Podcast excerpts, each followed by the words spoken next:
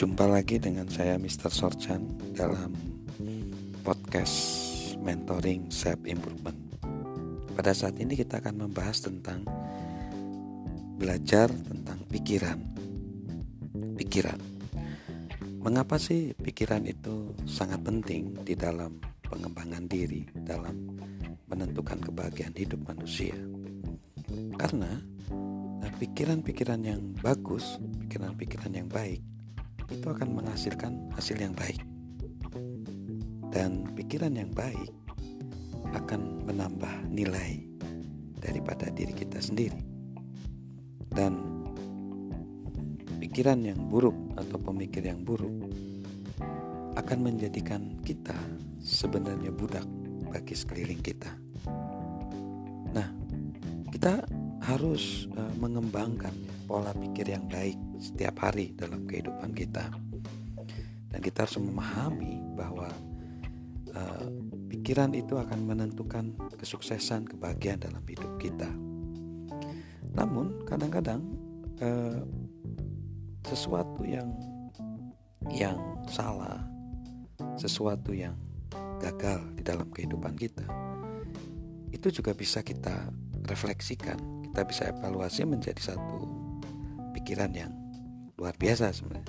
Jadi kita harus uh, melihat bahwa kegagalan dalam hidup kita, kekacauan dalam hidup kita kalau kita refleksikan itu bisa membentuk pikiran yang luar biasa. Nah, mengenai pikiran sebenarnya ada berbagai jenis pikiran yang ada di dalam kehidupan ini. Yang pertama adalah pikiran yang bersifat menyeluruh. Kita harus uh, belajar bagaimana uh, berpikir secara menyeluruh ya. Ada juga berpikir secara terfokus. Fokus pada satu uh, poin, pada satu item. Lalu berpikir secara kreatif. Creativity thinking. Itu juga penting. Lalu kreatif uh, berpikir realistis. Realita menerima kenyataan hidup. Lalu uh, berpikir strategis ini juga penting untuk menyusun strategi dalam pencapaian produktivitas. Lalu berpikir positif karena dari berpikir positif ini akan ada nilai-nilai positif yang dihasilkan.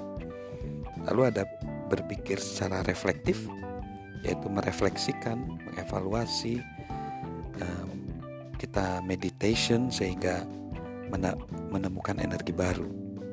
Lalu berpikir kritis dalam artian menentukan mana yang benar, mana yang salah, lalu berpikir bersama dengan orang lain, dan berpikir yang menghasilkan hasil akhir.